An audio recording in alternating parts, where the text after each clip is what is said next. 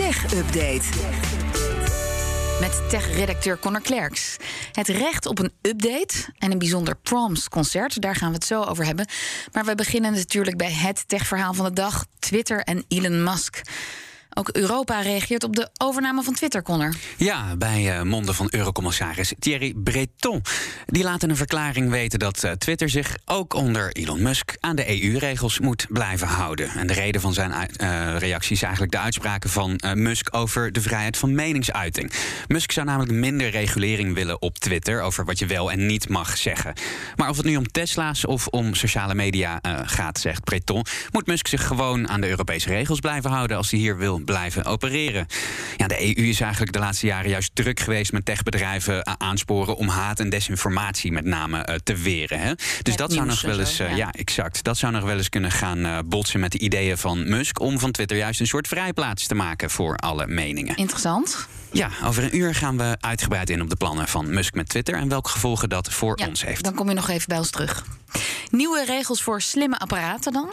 Ja, de Eerste Kamer heeft ingestemd met een verplichting voor verkopers om digitale apparaten en diensten werkend en veilig te houden. Dat schrijft nu.nl vanmiddag. Komt neer dus op uh, recht op updates voor je smartapparaten. Maar hoe gaat het nu dan? Um, nu heb je uh, uh, geen wettelijk vastgelegd recht op bijvoorbeeld een beveiligingsupdate voor jouw ja. smartphone. En dat komt er nu wel. Die regels die gaan morgen al in. en dan heb je dus recht op zowel de software-updates als de beveiligingsupdates voor al je smart devices. Dus ook veel groter dan een, een smartphone, bijvoorbeeld een smart koelkast of iets dergelijks. En ook veel kleiner, denk aan apps of een abonnement bij een streamingsdienst. En hoe krijg je dan die updates vanzelf? Uh, ja, dat zal de fabrikant dan uitrollen. en uh, de termijn, uh, hoe lang je die eigenlijk krijgt, dat wordt bepaald op basis van proportionaliteit. Dus heb je nou een heel duur project, product gekocht, bijvoorbeeld een slimme oven of iets dergelijks, dan krijg je langer updates om een werkende te houden dan als jij een, een smartphone game van 99 cent hebt afgerekend.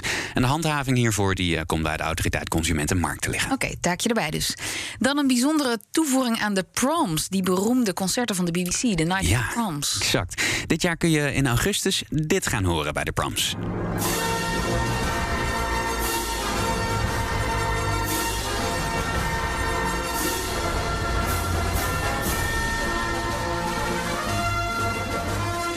Ja, dat is het thema van mijn favoriete game ooit: The Legend of Zelda.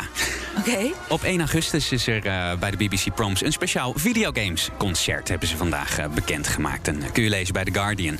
Met onder andere muziek uit dus de Zelda-games, maar ook uit andere games zoals Battlefield en Shadow of the Colossus. Dat is een hele mooie indie-game die een paar jaar geleden op de markt kwam.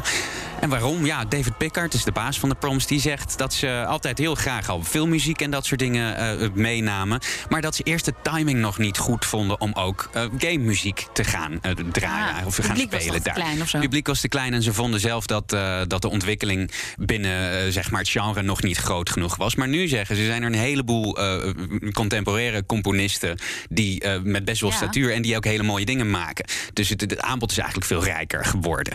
Um, en ja, van, daarom gaan ze nu voor het eerst dus ook game muziek ja, meenemen. Maar het publiek dat daarbij zit, gamet dat überhaupt wel? Want dat is vaak wat ouder publiek natuurlijk. Nou, bij de Proms is best wel divers. Hè? Daar, daar, daar nu komen ook jonkies. ja, nu, komen, ja, nu komen ze in één keer. Dit nou, is, dit is de gouden greep. concert bijvoorbeeld, dat je veel ja, muziek in het concertgebouw... Hey, dan, daar ben, ik, daar ben ik ook geweest, dat is schitterend... maar dat is veel meer mainstream dan games natuurlijk. Ja, toch heb je de afgelopen jaren uh, een soort rondreizende shows gehad. Hè? Een paar jaar geleden was Zelda bijvoorbeeld 25... en toen hebben ze een orkest heel de wereld over gestuurd... om die specifieke muziek te spelen.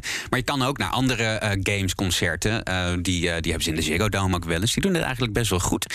En heel toevallig vandaag, ook online trouwens... een nieuwe aflevering van de BNR-podcast All in the Game. En die gaat over Zelda. Ben jij blij? Ja, zeker. Dankjewel, Connor Klerks. De BNR Tech Update wordt mede mogelijk gemaakt door Lenklen. Lenklen. Betrokken expertise, gedreven resultaat.